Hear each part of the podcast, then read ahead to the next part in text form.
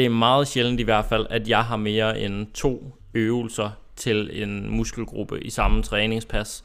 Øh, også selvom det er til folk, der har en del træningserfaring.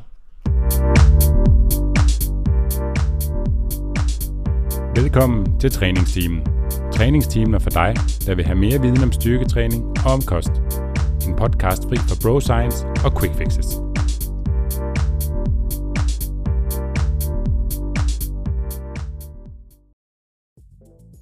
Velkommen til episode 151 af træningsteamen. Nikolaj og jeg har igen stået mikrofonerne til, og ligesom sidste uge sidder vi online. Og i dag er overskriften Træner du hårdt nok? Et spørgsmål, som jeg tror mange i løbet af sin træningskarriere har stillet sig selv, og som altid er svaret ikke så simpelt. Der er i hvert fald en masse nuancer at tage højde for. Og dem gennemgår vi i den her episode. God fornøjelse. Hør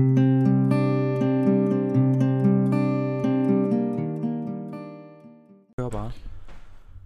Vi er din værter, Steffen Fisker. Og Nikolaj Bak. Jeg er medejer af Styrk og har en bachelor i idræt. Og jeg er også medejer af Styrk. Jeg har en bachelor i medicin med industriel specialisering. Og hvis du, kære lytter, kunne tænke dig en uforpligtende snak med os eller en af vores trænere, så er det bare at klikke ind på styrkmig.dk. Steffen, Yes. vi skal snakke træning i dag. Ja, Faktisk, skal næsten, der er næsten ikke noget pizza på dagsordenen i dag. nej. Det er Nej. Helt underligt bare at skulle snakke træning i en podcast, der hedder Træningsteamen.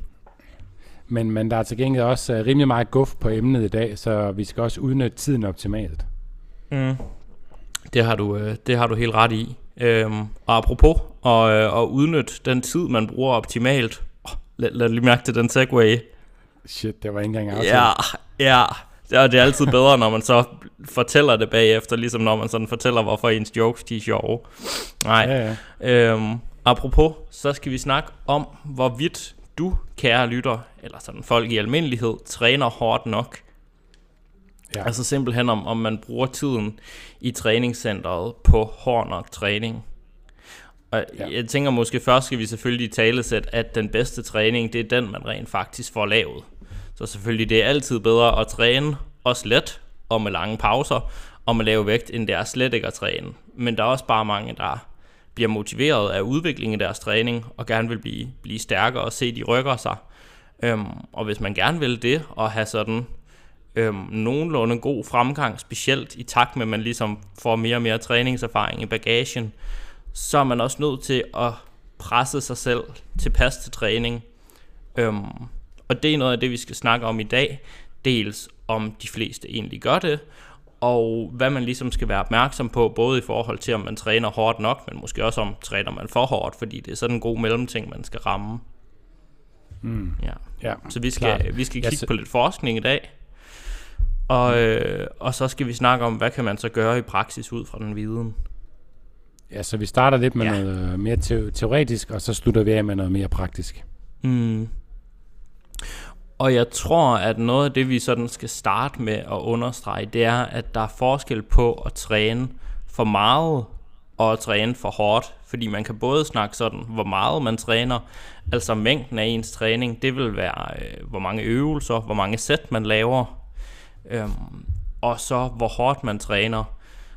Altså hvor meget man presser sig på sine sæt, er det primært det, vi ligesom ser på i dag. Altså hvor mange gentagelser man egentlig har i reserven, når man træner. Så hvis jeg nu tager øh, 8 gentagelser i et sæt, hvor meget har jeg så egentlig presset mig i et sæt i forhold til, hvis jeg nu kørte helt til grænsen?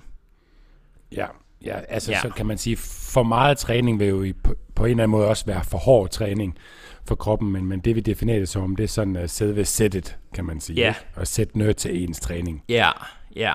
Fordi man kan sige, træner man for meget, øh, der er mange, der træner for meget, men til gengæld ikke træner hårdt nok.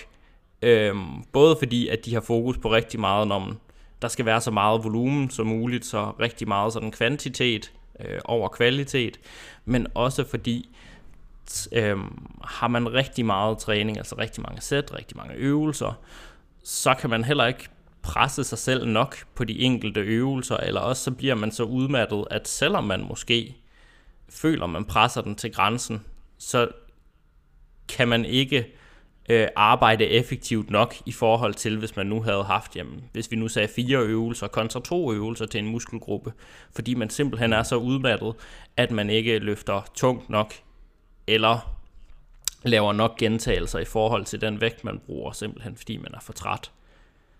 Ja, det, det ser jeg i hvert fald mange eksempler på, når jeg får nye kunder ind, og har gjort igennem min, trænings, øh, min karriere som træner, at så nogen er, er vant til at køre 5-6 brystøvelser, 7-8 benøvelser på en dag osv., og så videre, og ikke kan forstå, at de har fremgang.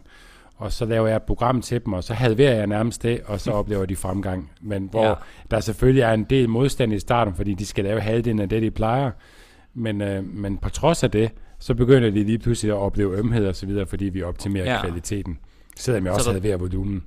Så er der to brystøvelser eller sådan noget på programmet, men man Præcis. udvikler sig rent faktisk i de øvelser. Ja. Det er svært at udvikle sig, når man har rigtig meget på programmet, både fordi at det kræver restitution, men også fordi der simpelthen ikke er overskud eller fokus til at udvikle sig i de øvelser, man nu har valgt.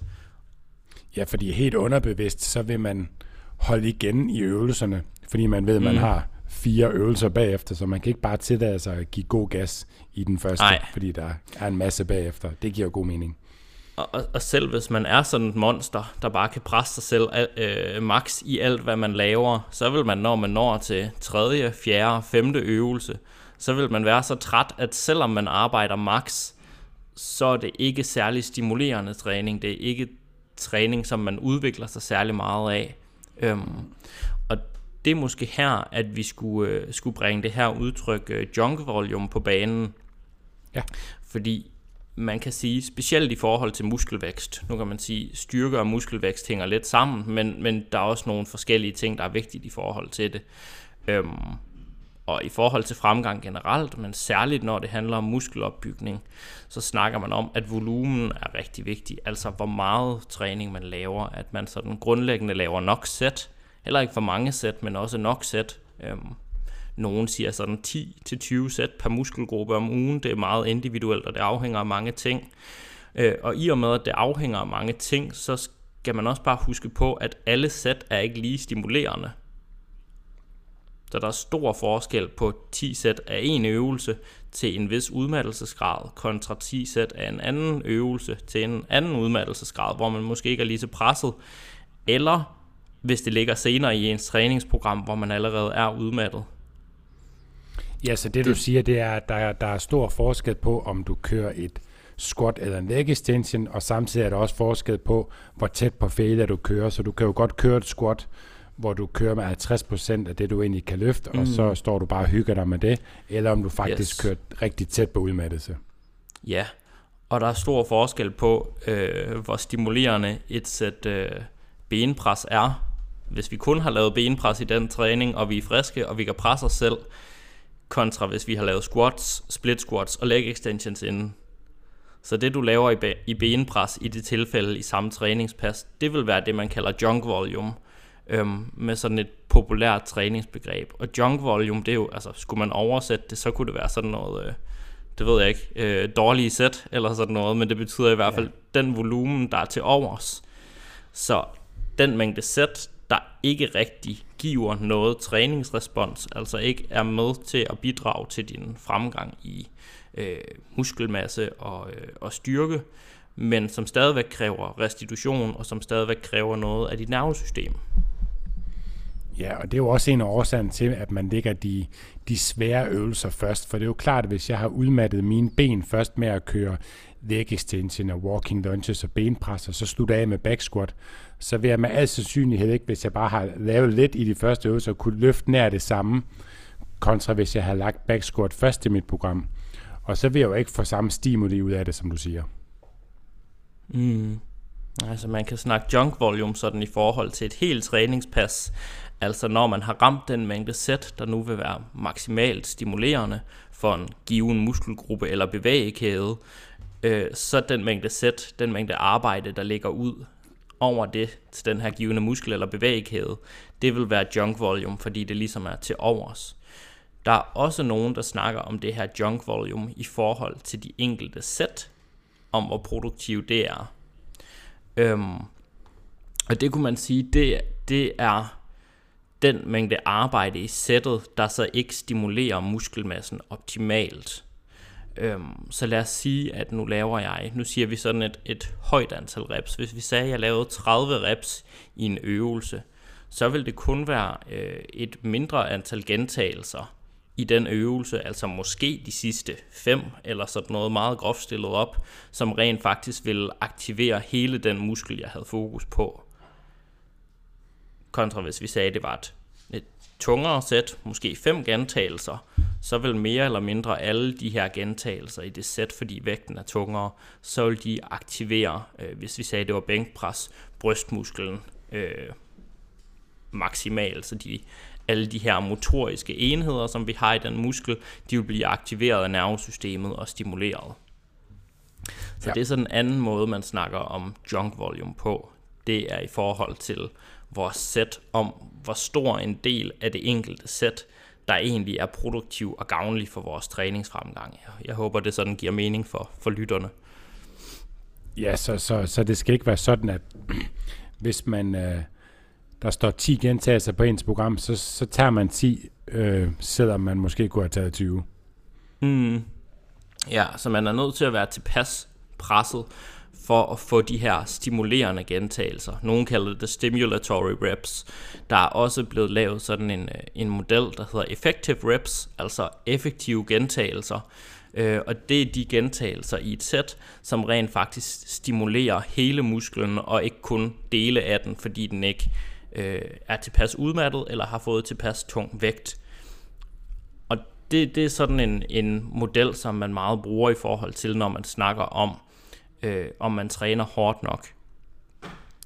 Det, det er blandt andet en fyr, der hedder øh, Chris Beardsley, der har, der har snakket en del om de her effective mm. reps, altså effektive gentagelser. Øhm, og den model, hvis vi skal sige sådan, hvis vi skal sige det meget groft, sådan forsimplet, eller i hvert fald det, som folk tager ud fra modellen, når de forsimpler den en lille smule, det er, at det er nok de sidste fem gentagelser i et sæt, der bliver kørt til failure eller tæt på, der er effektive. Og så er det egentlig, øhm, så er det egentlig lige meget jævnfør den model, om man har kørt 8 gentagelser eller 20 gentagelser. Det er den sidste del af sættet, der er mest effektiv. Men det er klart, har vi kørt 8 gentagelser, så vil, så vil en større del af sættet, fordi 5 er, ret, er en stor del af 8 gentagelser, kontra 5 reps og 20 være effektive. Øhm. Ja. Og jeg, det er også vigtigt at sige, at den model er også ligesom, hvad skal man sige, den er blevet kritiseret, eller det er i hvert fald mere nuanceret end på den måde. Øhm, og jeg tænker, uden at vi skal gå for meget ned i litteraturen, så vil vi hellere henvise til noget af det, der er blevet skrevet omkring den. Blandt andet af ham her, øh, Greg Knuckles, øhm, der er gået rigtig meget i dybden med forskningen omkring de her effektive gentagelser, og nuanceret det en lille smule. Øhm, så det er nok, hvis man kan se på den del af forskningen, så er det nok noget med, at det er ikke lige så vigtigt at komme tæt på udmattelse for trænede personer, fordi trænede personer, altså folk, der har træningserfaring, de er bedre til at aktivere deres muskelmasse i de her givende løft, de nu træner. Og det er nok også vigtigere at træne tættere på udmattelse og for at få de her effektive gentagelser i øh, isolationsøvelser, end det er i øh, flerledsøvelser. Så det vil nok være vigtigere ja. at træne tæt på udmattelse for at få de her effektive gentagelser i en leg extension, end det vil være i en squat for eksempel. Yes. Så, så man, man kan ikke bare sige, at det er de sidste fem reps, der betyder noget, men der er stadigvæk lige meget, hvem man spørger inden for træningsverdenen, så vil der stadigvæk være noget om, at man skal træne tilpas hårdt i hvert fald, for at få mm. mest øhm, ud af det sæt, man laver. Er der ikke også noget, der ser ud til, at jo flere reps du kører, jo tættere på failure bør du nok væk? Jo, lige præcis. Og det kan man sige, det, hvis man tager den her groft sagt model, hvor man siger, at det er de sidste fem, der betyder noget, så er det også lige pludselig, hvis vi siger, at vi, øh, at vi kan tage 30 gentagelser med en vægt, men vi egentlig kun laver 25, så de 25 gentagelser, de gør faktisk ikke særlig meget.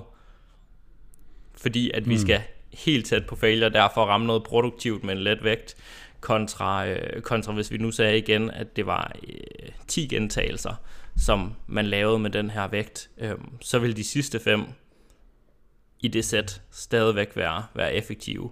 Så hvis vi nu lavede, øh, lad os sige, 8 gentagelser med en vægt, vi kunne løfte 10 gange, hvis vi gik helt til grænsen, så vil de sidste 1, 2, 3 reps stadig være effektive reps. Igen, modellen er forsimplet, men, men der er stadigvæk enighed om, okay, træner man let, altså med lette vægte, så skal man træne tættere på grænsen. Øhm, og det de fleste lander på i praksis, det er, at de siger, at i hvert fald størstedelen af en sæt, der skal man have maks 4 sæt, eller røv, fire gentagelser i reserve. Det er sådan en god hovedregel for mange. Ja, og hvordan det kunne fungere i praksis, det tænker vi vender tilbage til lidt, uh, lidt senere. Ja, Ja, så det kan også være, at vi lige sådan hurtigt skulle uddybe, hvad det her med at have gentagelser i reserve, det betyder. Altså det vil sige, at hvis man nu kørte øh, 10 gentagelser øh, med en vægt, så de gentagelser, man har i reserve, det er de ekstra reps, man kunne have kørt, hvis man kørte helt til udmattelse. Så det er jo selvfølgelig, ja. det, det er svært altid at spå om, og det er noget af det, man har lavet forskning i, men det vil sige, det er det, der er i, bagage, i ja, i bagagen, eller hvad man nu skal sige. Det er det der i, i tanken, når man har taget sit sæt, som man kunne have lavet ekstra, hvis man pressede sig selv helt til grænsen. Ja, præcis. Ja, og så, og så er der lavet en, øh, en, en undersøgelse her, jeg kan se, at vi har noteret i vores noter, øhm, altså hvor hårdt træner folk så egentlig? Ja, fordi det er der jo nogen, der så har undersøgt, og, øh, og der er der sådan lidt nice, øh, et lidt nice studie, hvor man tog nogle, øh, nogle personer, der var vant til at træne, og så bad man dem om at øh, bruge en vægt. De skulle lave bænkpres, og de skulle tage sådan en vægt, som de normalt ville bruge, hvis de skulle lave 10 gentagelser i et sæt. Og så fik man de her sæt, øh, personer til at køre deres sæt helt til grænsen, til der ikke var flere gentagelser, for at teste, hvor meget de egentlig havde i tanken i forhold til, når de trænede normalt. Øhm, og det man fandt ud af, det var, at øh, de her forsøgspersoner, de lavede gennemsnitligt 16 gentagelser med den her vægt, som de normalt ville løfte 10 gange. 22% af dem, de lavede 10-12 gentagelser med den her vægt, så man kan sige, de trænede ret hårdt. Øhm, 31% af forsøgspersonerne, de lavede 13-15 gentagelser, som sådan ligger ligger stadigvæk lige inden for de der fire reps i reserve, som stadigvæk kan være stimulerende.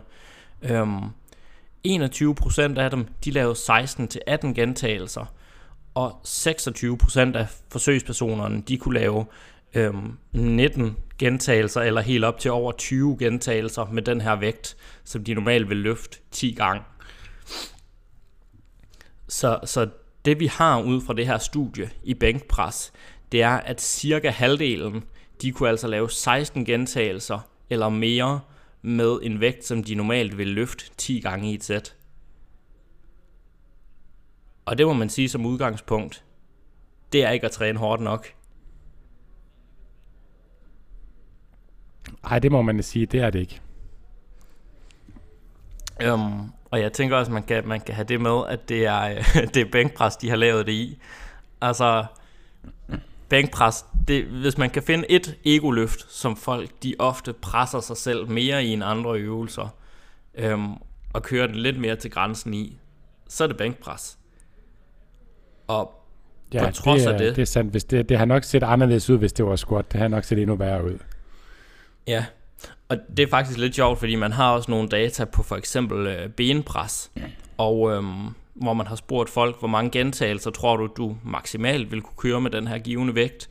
Og der ser man, at øhm, folk, der er utrænede, de øh, undervurderer med syv gentagelser i gennemsnit, og folk, der har mere træningserfaring, de undervurderer med fire gentagelser i gennemsnit. Altså sådan, at de kan tage fire gentagelser mere, end de tror, og nybegyndere, de måske kan tage cirka syv gentagelser mere, end de tror. Så det, det er, lige ved, det er lidt vildt, Ja, fordi hvis vi nu siger, så har man læst en artikel, hvor der står, at det er en god idé at have tre gentagelser i reserve, så man sørger lige for, okay, nu kører jeg mit sæt benpres her, og så kører jeg det til tre reps fra, hvad jeg tror er min failure. Så har de her nybegyndere, de vil have 10 gentagelser i reserve på deres sæt. Det er meget. Ja. Ja, det, det er næsten, hvor vi snakker, det er næsten, hvor vi snakker, at den træning reelt er opvarmning. Ja, um, det, det kunne man godt argumentere for. Altså, men, men hvis man har træ- prøvet at tage sådan et benpres eller hack squat til failure for eksempel, det er også træls, og det føles som om, man har ramt grænsen langt før man egentlig har ramt den der grænse. Um, så det er overhovedet ikke, fordi vi skal sidde og sådan tale folk ned, som om, at de er dogne, eller som om, de ikke kan finde ud af at træne. Men det er faktisk ret svært at bedømme, hvor meget man kan presse sig selv. Og, øhm, og det er altså værd at være opmærksom på, hvis man gerne vil have bedre resultater af sin træning, og hvis man synes, det er motiverende, at man opnår udvikling i sin træning. Ja, så øh, jeg, jeg synes, det er så vildt, det her studie. Altså, at man sætter folk til at, til at lave bænkpres, som bare er egoøvelsen nummer et, og så i hvert fald halvdelen af dem, de har alt for mange gentagelser i reserve. Måske skulle man se helt hårdt på det, så er det, så er det kun de der 22 procent, der kan lave 10-12 gentagelser, øhm, som man måske vil sige, okay, det kan godt være, det er det, der giver mening, når det er den første øvelse, og det er den øvelse, man har i fokus i sit træningsprogram. Altså at man så har, har en til to gentagelser i reserve på sin sæt. Ja, det, det overrasker så, også så mig. Forskning... Jeg har ikke set det her studie før. Det, øh, det er ret interessant, at du lige gennemgår det. Ja, ja, jeg tænker, at vi lægger show notes op til det hele, så kan man selv dykke lidt ned i det, hvis man, hvis man er lidt nørdet med sådan noget forskning.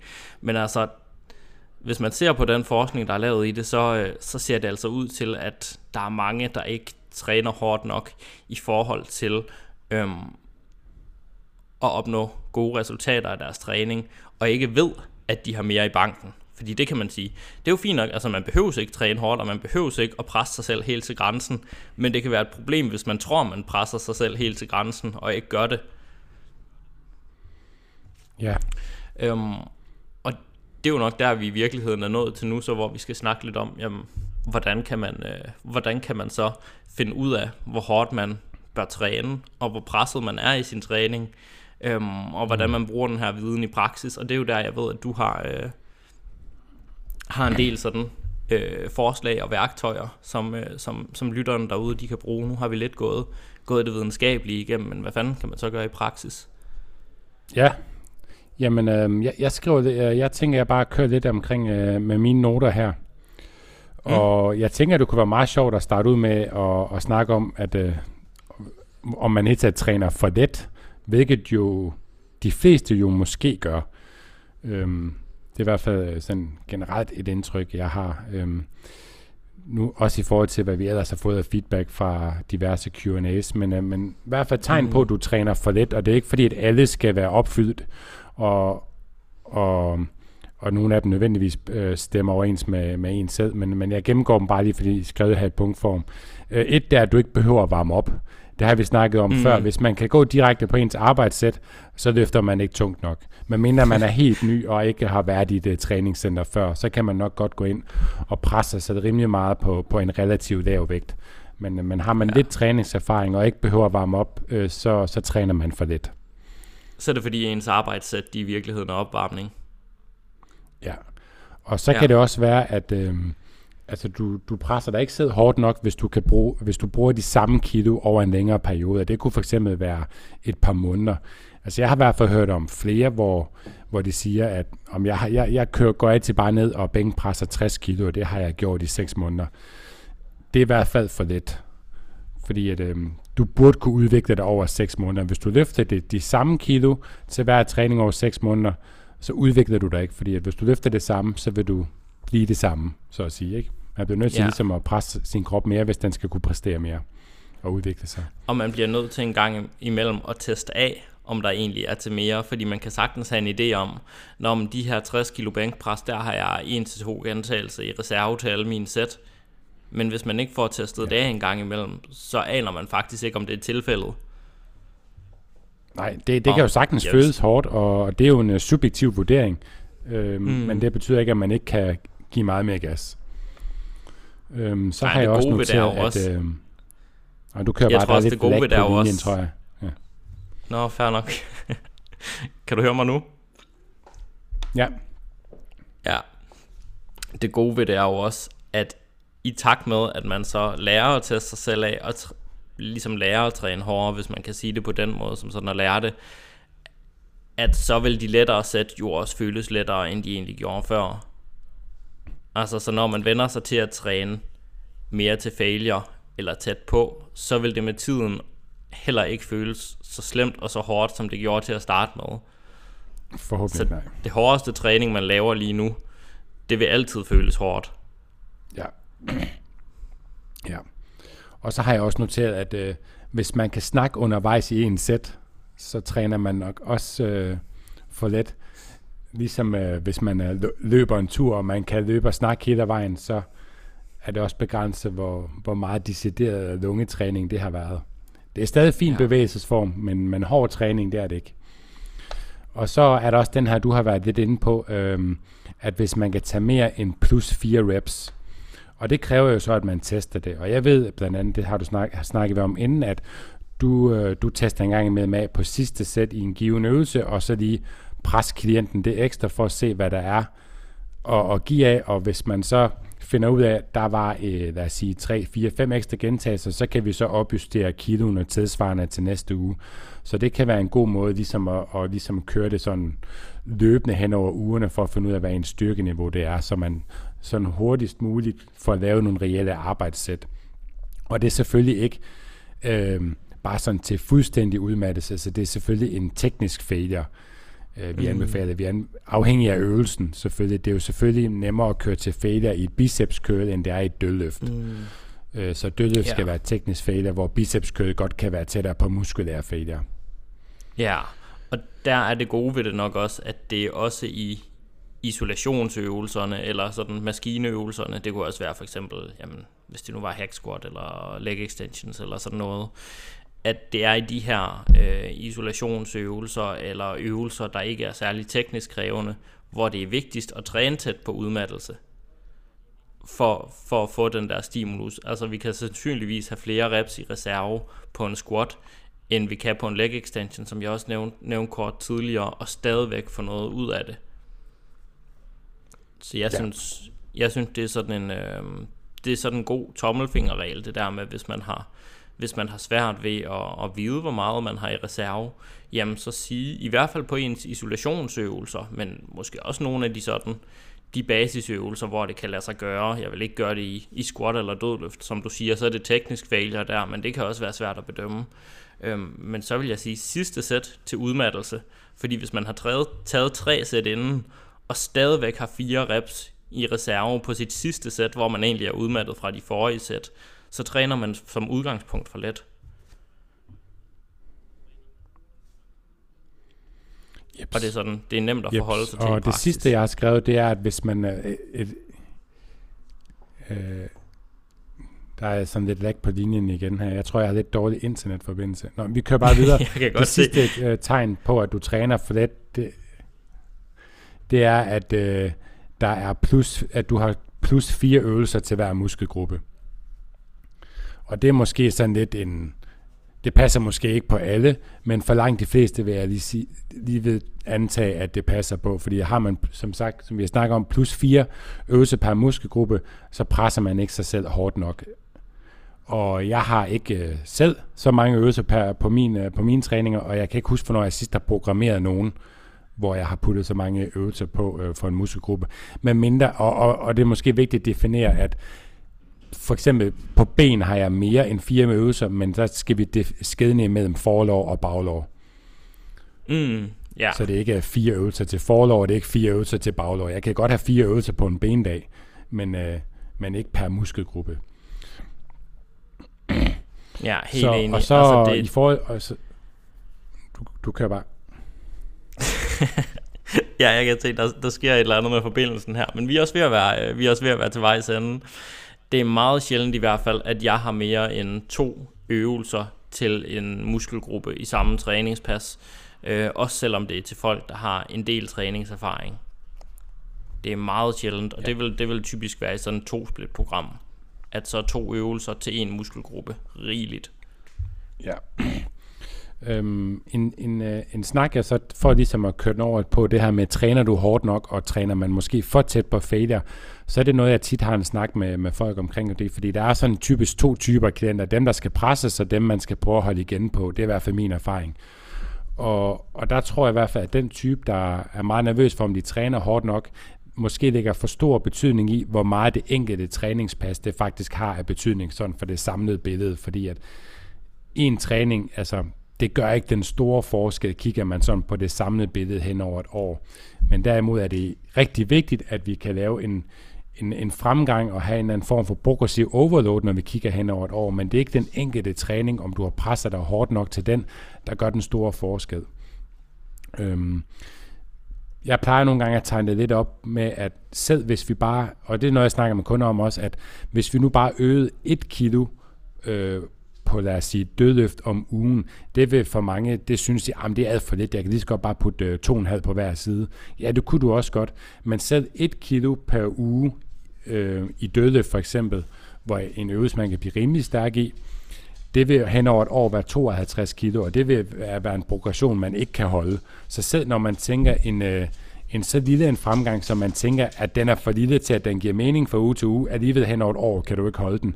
Så det er altså mere også at prøve at holde igen, og så netop tage alle de der små, øh, små steps, fordi så kan du have en lang fremgang. Og det kan godt være, at det er en lille bitte stimuli, men det er en lille bitte stimuli øh, i mange uger hen over et år. Og det gør altså, at du kommer bedre, øh, stærkere ud på den anden side, fordi at vi, de fleste af os kan blive enige om, at teknikken er bedre øh, overordnet set, hvis vi kun øger 1 kilo, kontra hvis vi øger med 5 kilo.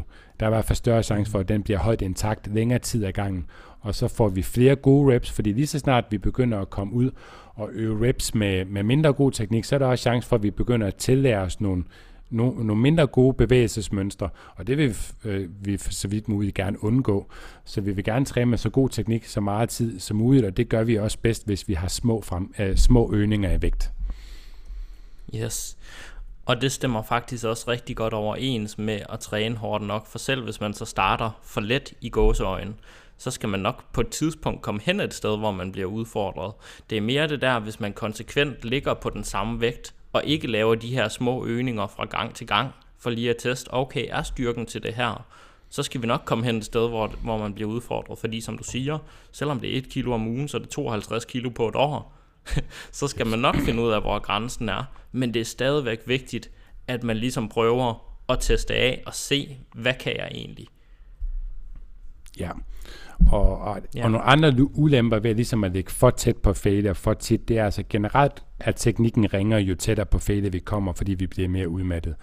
Og så var der det her, jeg nævnt med, at jo flere reps med dårlig teknik, jo større kan vi have en tendens til ligesom at, be- at, at begynde at bruge den teknik, altså på, den, på en eller anden måde indøve dårlig teknik, fordi når man indøver, når man træner noget, så er der også chance for, at man bliver bedre til det, og vi vil jo helst ikke blive god til mindre god teknik. Øh, det øger også risikoen for skader, når vi træner med tættere på fader og også igennem øh, og, og med ringere teknik. Og det sætter også større krav til øh, mere restitution, og det kan så påvirke de næste træningspas, og, og hen over bare uger og måneder, så kan det påvirke en hel del. Øhm, så, så, sådan lidt, øh, så hvis vi skal zoome lidt ud igen, så den måde, jeg sådan kunne opbygge et program på, og sådan er typisk måden, jeg opbygger et program på, det er, at øh, jeg kører det sådan typisk i sådan en fire ugers cykluser, og så er der jo i, typisk i et program nogle små nye variationer i øvelser. Det kunne være, det er ikke fordi det behøver at være en helt ny øvelse, det kan sagtens bare være, at man ændrer vinklen på bænkpres, eller man kører en anden kølevariant, eller man kører squat med pause i bunden, øh, og før kørte man det med tempo osv. Men alene det, at der er en lille ændring, det skaber nye tilpasninger nok til, at man ikke behøver at presse sig selv mega meget, for det kræver en ny adaption og nye tilpasninger med de her små justeringer af programmet. Og så hen over de her fire uger, så arbejder vi tættere og tættere på failure, hvor det typisk først er hen omkring fjerde ugen, hvor vi så nærmer os decideret failure. Og så kan det være, at øh, så kommer der nogle små justeringer af programmet igen, og så bygger vi ligesom op. Så typisk ligger man inden for den her zone, som du også nævner med fire reps fra formentlig i u 1, så kommer vi op til tre reps fra, i uge 2, og så to reps, og så nærmer vi os en til noget reps i sidste uge sådan på hovedløftene. Isolationsøvelserne kan man måske godt arbejde tættere på fælder generelt set, også fra starten af, af, et, af et nyt program. Mm, ja, Og hvis man har, hvis man har svært ved at vurdere, hvor langt ligger jeg så fra failure i antal gentagelser, altså, så er det, at man kan prøve den her med at sige, Nå, men så tager jeg på mit sidste sæt, så ser jeg, hvor mange gentagelser jeg rent faktisk kan lave der. Ja. Og hvis jeg så ligger over 4 på det sæt, så øger jeg vægten næste gang. Ja, og, og der er det vigtigt at understrege, at det skal være decideret til, du ikke kan løfte den mere. Mange kan godt føle, at Ej, jeg tror ikke, jeg kan tage en mere. Mm. Altså, du skal decideret ikke kunne komme op igen, før at du er helt sikker på det. Og hvis det er en øvelse, der kræver en spotter, så, så have det selvfølgelig. Og så start mm. ud i nogle mere sikre øvelser, så som biceps så kan du ikke få håndvægtene op, men det skal decideret være, til du ikke kan løfte vægten mere, for ligesom at finde ud af, hvor er grænsen faktisk, fordi at, som du siger, så er det mega hårdt, og det føles ubehageligt de sidste 3-4 gentagelser, og det skal det også. Mm. Jeg fik bare sådan et billede af en, øh, af en dude, der står nede i træningscenteret, og så fejler sin biceps curl, og så bare råber, hjælp, hjælp, hjælp, jeg, jeg kan ikke komme op. ja. ja, det er lidt mere bøvlet i, uh, i bænkpres. Det er lidt mere bøvlet i bænkpres, ja. Vi får lidt hjælp fra tyngdekraften der i curls. Ja. ja, det må man sige. God, god gamle tyngdekraft. Ja, Hvad den, det hedder, Nikolaj, jeg må, jeg må cutte den her. Jeg skal ud og, og bøffe nogle af mine kunder lidt op. Sådan. Jeg tænkte også, at vi kom, øh, vi kom godt omkring det hele, på trods af, øh, af lidt online forstyrrelser, men, øh, men ja, vi fik sagt det, vi skulle, og øh, der kom en masse konkrete anvisninger ud. Ja. Og nu skal du ud og lave noget konkret i praksis, Steffen. Det skal jeg. gør folk store og stærke. Lige præcis. Det er godt. Tak for snakken, og tak fordi I lyttede med.